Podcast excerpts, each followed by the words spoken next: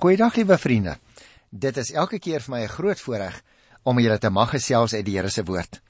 Ons is besig met die boek 2 Samuel op die oomblik en ons gaan vandag so by die 16de hoofstuk begin en ek gaan twee hoofstukke behandel, hoofstuk 16 en hoofstuk 17. En ek wil sommer dadelik begin. Begin met 'n baie interessante persoon. Ons het hom al van tevore ontmoet, die ou man Siba. Julle sal nog onthou Siba was een van die eerste koning, naamlik Saul, se baie getroue navolgers. En nadat Saul dood is, was hierdie man natuurlik in doodsangs want nou kan die nuwe koning, naamlik Dawid, hom baie maklik om die lewe laat bring soos dit maar die gewoonte was in daardie tyd. En so het dit dan gebeur dat Simei eintlik op 'n lang vir 'n lang tyd 'n baie lae profiel gehandhaaf het, maar hier in die 16de hoofstuk kry ons hom nou weer. Ons het hom in die 9de hoofstuk ook gekry, as jy onthou, waar hy die gebreklike seun van Dawid se goeie vriend Jonathan na Dawid toe gebring het. En daardie seun se naam sal jy onthou was Mephiboset. En nou gaan ons albei van hulle weer 'n keer hier ontmoet en daarom wil ek sommer dadelik die eerste versie van 2 Samuel 16 lees. Toe Dawid 'n entjie van die kruin af weg was, het Mephiboset se amptenaar Siba hom onverwags teëgekom. Op twee opgesaalde donkies het hy 200 brode, 100 pakkies rosientjies en 100 pakkies voorvye en 'n kruik wyn gehad. Om die waarheid te sê, liewe luisteraar, hy was op pad om vir uh, koning Dawid 'n bietjie kos te bring want jy sal onthou ons het in die vorige program ook gehoor hoe dat Dawid al die grond teruggegee het wat aan Mephiboset behoort het. Eintlik het dit natuurlik behoort aan sy pa Jonathan en Jonathan was Dawid se goeie vriend. En daarom het Dawid uh, op aanbeveling van Siba het hy vir Mephiboset ontmoet en het hy vir Mephiboset gesê van nou af gaan jy aan my eie koningstafel eet en ek gee al die goed wat aan jou pa Jonathan behoort het gee ek vir jou terug en boonop kan jy Siba gebruik om jou grond en jou landerye te bewerk. En nou bring hierdie ou man, stel jy die prentjie voor, hè. Hier stap hierdie ou man met die paar donkies en hy voel nou veilig. Hy is nie meer bedreig nie want hy sien dat Dawid dit met hulle albei baie goed bedoel en daarom is hy nou besig om uh, in die rigting van Jerusalem te beweeg om vir Dawid kos weg te bring. Nou kom ons gesels nog eers 'n bietjie oor hierdie eerste vers want ons lees Siba het Dawid teëgekom terwyl hy besig was om teen die oostelike helling van die Olyfberg af te klim. Dit staan in hierdie Olyfberg nie, maar ons ken die omgewing daar. Daarom sê ek dit is teen die oostelike hang van die Olyfberg. Uh klim hy nou af in die rigting van die Kedron Vallei.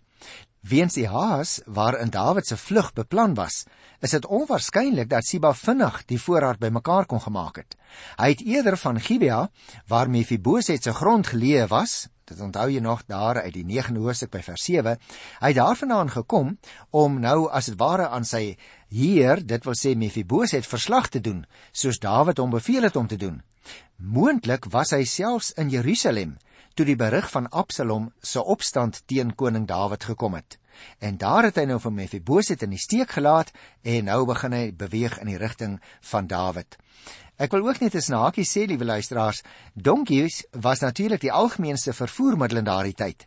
En dit word reeds in Genesis 12 by die 16de vers vermeld. So ons weet 'n lang pad van donkies. Tussen hakies, ek wil ook net sê dat perde op hierdie stadium in Palestina ook so geleidelik in gebruik gekom het. En uh, Dawid se seun Salomo het natuurlik 'n baie groot perdehandel aan die gang gesit en daarmee handel gedryf en ook heelwat geld daarmee verdien. Maar op hierdie stadium gaan dit hoofsaaklik oor donkies wat die pakdiere is. Natuurlik kamele ook, maar donkies was meer algemeen op hierdie stadium. En hulle kon ongeveer 30 km per dag af lê. En daarom is hulle gebruik as rydiere en ook as lasdiere. Ons lees dat ou Siba in sy houer op die donkies het hy so 'n bietjie voorvye ook. En dit is waarskynlik vir ons 'n aanduiding dat dit alreeds somer was, want jy kry eers die voorvye in in die somer. Nou kom ek lees vers 2 tot 4. Wat het jy hier vra die koning vir hom? En Siba antwoord: Die donkies is vir die koning hulle om op te ry en die brood en vye is kos vir u leiwag. Die wat in die woestyn moeg word, kan die wyn drink. En waar is Saul se seun? Vra die koning. Nee, hy sit in Jerusalem. Hy dink mos vandag sal Israel die koningskap van my pa aan my teruggee, antwoord Siba. Toe sê die koning: Nou kyk, alles wat aan Mephiboset behoort, is nou joune. Ek sal altyd dankbaar bly, sê Siba. En ek hoop ek sal u majesteit altyd tevrede stel. Is baie interessant, liewe luisteraars, want Siba het nou die onverwagse ontmoeting aangegryp om Dawid se gunste probeer wen. Sonder om na Mefiboset te verwys, het hy die voorrade vir Dawid en sy mense aangebied. En toe lees ons in die 3de vers, Dawid verneem nou na Mefiboset en hy noem hom Saul se seun, waarmee hier eintlik die kleinseun bedoel word. Siba probeer hom dadelik swart smeer by Dawid. Maar dis baie onwaarskynlik dat die gebreklike Mefiboset kon gedink het dat die volk hom as koning sou uitroep eerder as die aansienlike Absalom. Mefiboset se werklike gesindheid blyk uit die gegevens wat ons in 'n volgende program gaan doen in die 19de hoofstuk van vers 24 af. En daarom is die 4de vers ook vir ons belangrik wat ek gelees het. Dawid het naamlik egter sonder om die ander party aan te hoor geoordeel en Mefiboset se eiendom nou aan sy knegg Siba gegee. Dawid reageer miskien hier 'n bietjie impulsief en ons sal dit later weer in die geskiedenis raaklees. Dawid se oorhaastige oordeel, sou ek wou sê, moet wel gesien word teen die agtergrond van sy omstandighede. As hy eie seun teen hom gedraai het, dan kon Saul se kleinseun dit natuurlik nog makliker gedoen het. Siba se teenwoordigheid het sy klag nou versterk. Na sy terugkoms het Dawid sy fout in 'n mate reggestel, soos ek gesê het, maar daarby sal ons kom in die 19de hoofstuk. Ons moet net onthou as ek hierdie paar verse mag saamvat, liewe luisteraar, Siba was die landgoedbestuurder van Jonathan se seun Mefiboset, soos ek vroeër verduidelik het. Nou is die vraag natuurlik, was hy eerlik in die beskuldiging wat hy hier inbring in ons verse teenoor Mefiboset? Dis tog Absalom wat die troon reeds oorgeneem het. Daarby sou 'n kreep hulle destyds nie maklik as 'n koning kon dien nie, hoor. En daarom is dit vir my ietwat vreemd dat Dawid so skielik as dit ware op die ingewing van die oomblik die opmerking van ou Siba aanvaar om te dink dat Mefiboset op die troon wil gaan sit. Nou kom ons kyk nou eers na die volgende paar verse. Hierso van vers 5 af wil ek graag lees tot by die 14de vers. Toe die koning by Bagurim kom, storm daar ewe skielik een van Saul se familielede op hom af. Sy naam was Simei, die seun van Gera. Sover as hy gaan het hy geloop en vloek. Hy Dawid en al sy amptenare en die hele volk, ja, selfs al die dapper kruismanne links en regs onder die klippe gesteek. Terwyl hy loop en vloek, het Simei uitgeroep: "Trap, trap hier uit jou moordenaar en jou skurk." Nou straf die Here jou vir al die moorde op Saul se geslag toe jy in sy plek koning geword het. Nou het die Here die koningskap aan jou seun Absalom gegee. Nou sit jy in dieselfde ellende omdat jy 'n moordenaar is. Toe vra Seruja, die seun van Abisai vir die koning: "Waarom vloek hierdie laa hond die koning so? Laat hy sy kop gaan afkap." Seun van Seruja: "Dit het niks met my of met jou te doen nie," was koning Dawid se antwoord. Hy vloek so omdat die Here hom beveel het om vir Dawid te vloek. Niemand moet nou vra waarom hy dit doen nie. Verder het die koning vir al sy amptenare en vir Abisai gesê: "My eie bloedkind soek my lewe. Daarom moet julle hierdie Benjaminiet met rus laat, laat hy maar vloek, want die Here het hom die opdrag gegee. Miskien let die Here op die ellende en betoon hy aan my iets goeds vandag met hierdie vervloeking." Dawid en sy mense het op pad langs verder getrek. Simei het al teen die bergrand langs geloop en vloek die hele tyd en klippe gegooi en stof opgeskop. Moeg het die koning in sy geselskap by die Jordaan aangekom en daar 'n bietjie gerus. Nou, liewe vriende, die aanmatigende houding wat ons hier optel by Simei uit die Sauls familie en die aantuigings wat hy hier maak, weerspieël vir my iets van die weerstand teen Dawid by die Benjaminite en die Sauls geslag. Maar Getrou in sy aard wil Abisai hierdie man doodmaak omdat hy Dawid vervloek. Maar Dawid voer dadelik drie redes aan waarom hy sê uh, moenie my stil maak nie. Moet dit nie doen nie. Die eerste rede is dit: dalk het hierdie man dit in opdrag van die Here gedoen. So dink Dawid. Ons moet onthou Dawid moes op hierdie stadium baie laag lê het in sy gemoed, nê, want hy's moedeloos, hy moet vlug voor sy seun Absalom. En nou sê hy vir homself, eh, hoorie los hierdie man uit, dalk doen hy dit in opdrag van die Here self. Hy noem 'n tweede rede. As Dawid se eie seun teen hom rebelleer, wat moet 'n mens van iemand uit Saul se geslag verwag? En 'n derde rede is Dawid sê hy moet dit nie doen nie, want onderwerping aan hierdie behandeling kan dalk die toorn van God oor Dawid verander. So ons merk op Dawid staan hierdie hele vervloeking net so te. Hy sê: "Hoorie, laat dit maar gebeur. Ek sal dit verduur. Miskien kom dit ook self uit die hand van die Here." Waarskynlik het Dawid in sy hart vir homself gesê: "Is my oortreding met Batseba regtig vergewe deur die Here? Is die Here nie nou nog steeds besig om my te straf nie?" Maar jy het ons al gehoor, die Here werk nie so nie.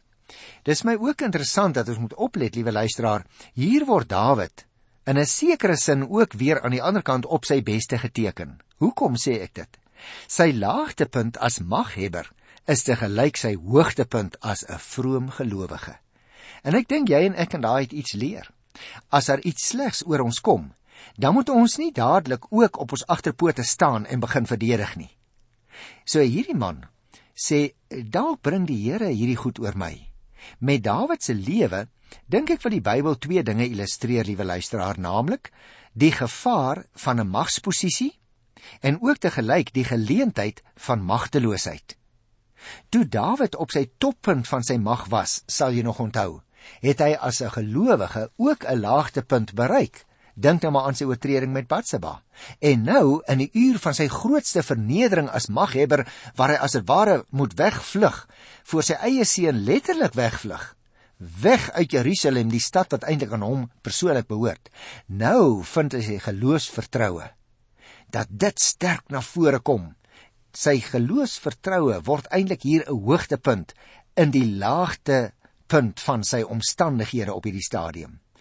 Dit herinner my aan die woorde van die apostel Paulus in die Nuwe Testament in 2 Korintiërs 12 van vers 9 af: My krag kom juis tot volle werking wanneer jy swak is. Daarom is ek bly oor swakhede, beledigings, ontberings, vervolging en moeilikhede ter wille van Christus, want as ek swak is, is ek sterk, so sê die apostel. En ek dink hier het is 'n baie goeie konkrete voorbeeld en 'n illustrasie ook daarvan. Maar liewe luisteraar, ek haas my na die volgende verse want dit is 'n baie interessante gedeelte. Dit is asof Dawid die een teenstand na die ander ook nog ondervind terwyl hy besig is om weg te vlug van sy seun Absalom af. So die volgende opskrif hier in die Bybel sien jy van vers 15 af Agitofel se raad word verydel. Nou kom ons lees eers hierdie verse dan kan ons 'n baie beter begrip kry van waaroor dit hier gaan. Die 15de vers sê: "Maar Absalom en die hele Israel het in Jerusalem aangekom. Agitofel was ook by."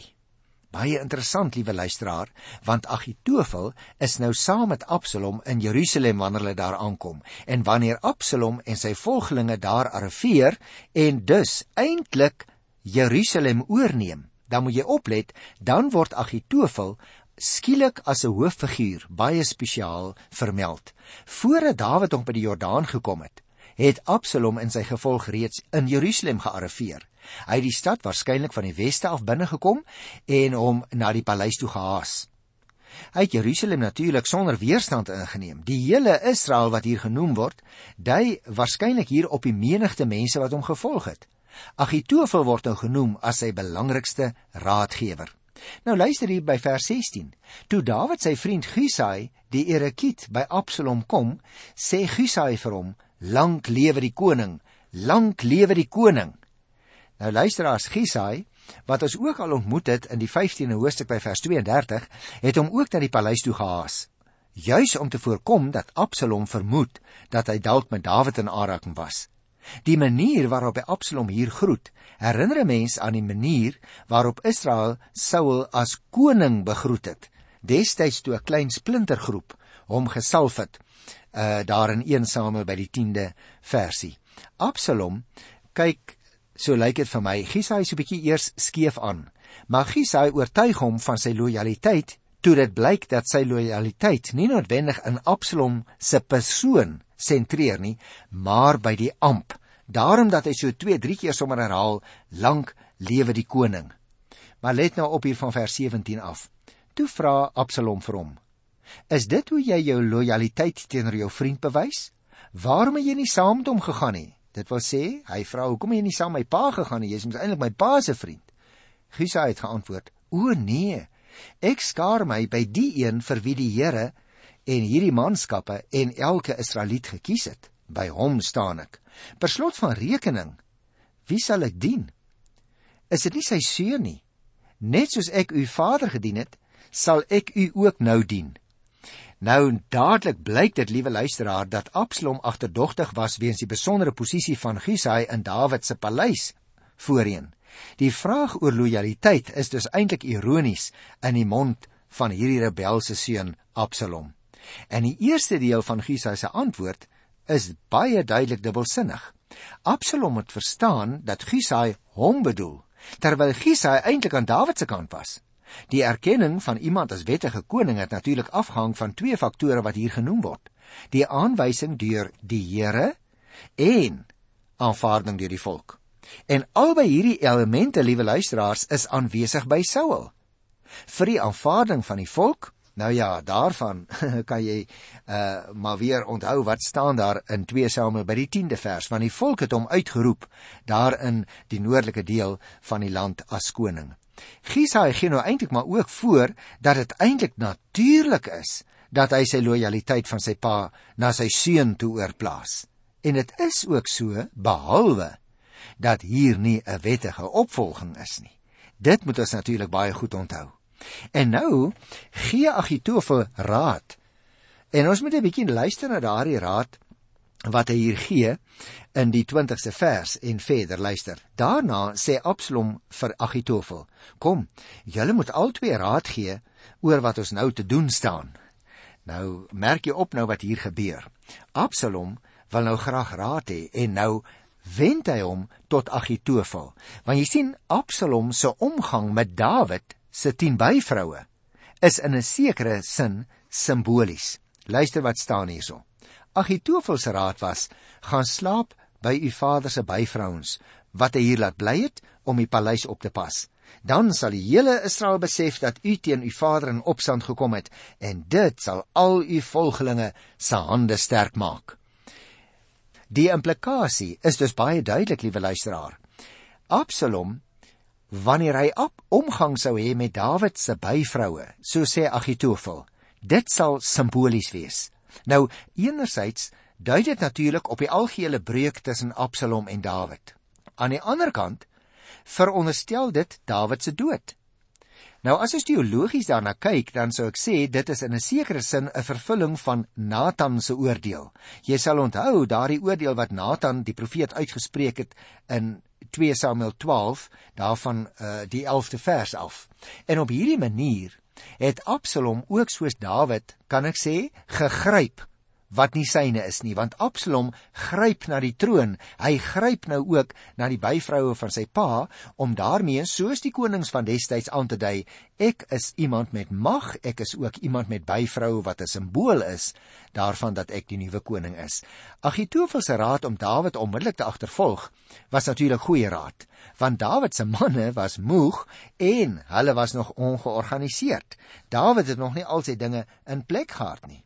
So nadat hy nou vir uh, Absalom sê jy moet by die byvroue van jou pa Dawid gaan slaap, dit sal jou posisie versterk. Staan daar in die 22ste vers, daar's toe vir Saul 'n tent op die dak opgeslaan, sodat hy voor die oë van die hele Israel by sy pa se byvrouens kon gaan slaap. Kan jy dit voorstel, liewe luisteraar? Die 23ste vers sê in daardie tyd was Agitofel se raad asof hy dit van God gekry het. So was sy raad altyd. Of dit nou al vir Dawid of vir Absalom was. Ons kry dus hier eintlik 'n baie tragiese gebeurtenis, liewe luisteraars, want Agitofel se raad was wel hoog aangeslaan deur die mense. Dit het ons ook al uit die 15de hoofstuk geleer. Maar tog was dit in hierdie geval raad wat teen die woord van God ingegaan het en wat die afgrond voor Absalom al groter laat gaap het. Luister na die 17de hoofstuk by vers 1. Agitofel het nog verder vir Absalom gesê: laat ek nog 12 afdelings uitsoek en klaarmaak om Dawid vannag nog agterna te sit. Met ander woorde, liewe luisteraar, nadat Agitofel sy raad gegee het en waarskynlik nog voordat dit uitgevoer is, het hy vir Absalom gewys op die noodsaaklikheid om die aanvanklike sukses onmiddellik op te volg. En daarom het hy nou voorgestel dat hy self gaan luister om Dawid agterna te sit. Kan jy dit glo? Dit uh, nogal in dieselfde nag waarin Dawid gevlug het en Absalom in Jerusalem aangekom het. 'n Afdeling soldate wat hier genoem word, het naaste by destyds so uit 1000 man bestaan.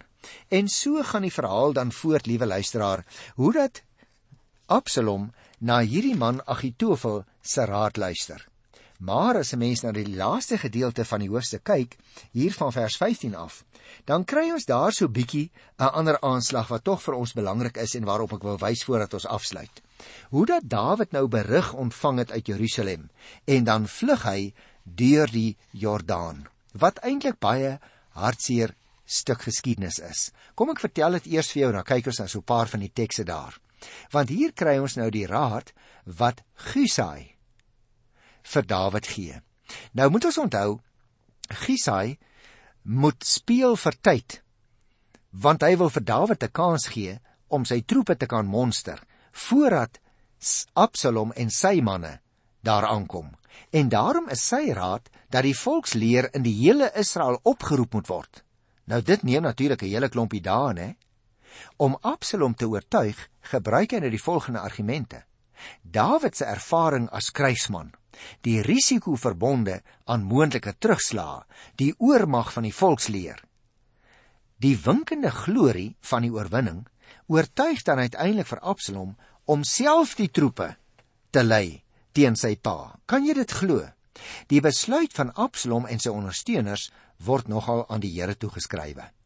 Nou in die boek word daar eintlik maar min verwys na die direkte betrokkenheid van God. Het jy dit opgemerk? Want hierdie Absalom is al die pad teen die wil van die Here. En wanneer dit wel gedoen word soos hier, dui dit juis 'n draaipunt in die gebeurtenisse aan. Gusai se lojaliteit aan Dawid moet ons egter nie onderskat nie. Volgens die boodskap wat Gusai aan Dawid stuur, lyk dit of hy nog nie seker was wie se raad Absalom sou volg nie en daarom wil hy hom waarsku teen die ergste. Die stuur van die boodskap geskied met baie groot versigtigheid van Gusai se kant. Die boodskappers wag buite die stad en 'n skynbaar onskuldige slavin bring dan die boodskap vir, vir hom. Tog word hulle opgemerk en hulle word agtervolg. Hulle skuil dan by 'n Dawid se ondersteuner en Dawid volg die raad dadelik op. Kom ons kyk so na enkele van hierdie versies, liewe luisteraar, want ons het hier eintlik die hartseer uiteinde van 'n seun wat teen sy pa in opstand kom en nou wil hy die hele leer van uh Dawid wat hier genoem word die volksleer op Dawid loslaat die arme arme vlugteling die arme gesalfde koning van Israel. Daarom as ons nou kyk hier na die verse van uh die 24ste vers af, dan kry ons eintlik die voorbereidings vir die geveg wat Absalom hoop nou gaan volg. In Maganaim ontvang Dawid dan hulp van Sobi, die seun van die voormalige Ammonitiese koning, en ook van Mager wat kom uit die Sauls familie.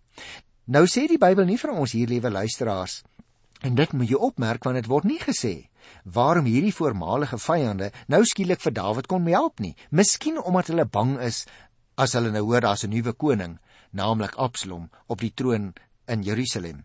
Dalk het Dawid Sobi oor die oorblysel van Ammon aangestel en was maker dalk dankbaar oor Dawid se behandeling van Mefiboset dat hulle nou sien maar Dawid het 'n sagte hart. Hy help selfs die onderdane van die vorige koning Saul. En nou gee hulle ook hulle ondersteuning aan koning Dawid.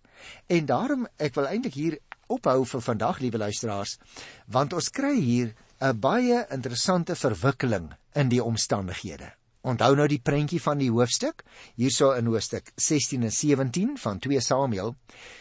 Dawid vlug uit die stad Jerusalem. Hy vlug ooswaarts in die rigting van die Jordaan. Intussen kom Absalom en sy klein gevolg aan in Jerusalem en hy tree daar op as koning, maar nou is daar mense wat van tevore skynbaar nie vir Dawid ondersteun het nie, wat ook nou vir Dawid begin help, waarskynlik uit vrees vir Absalom.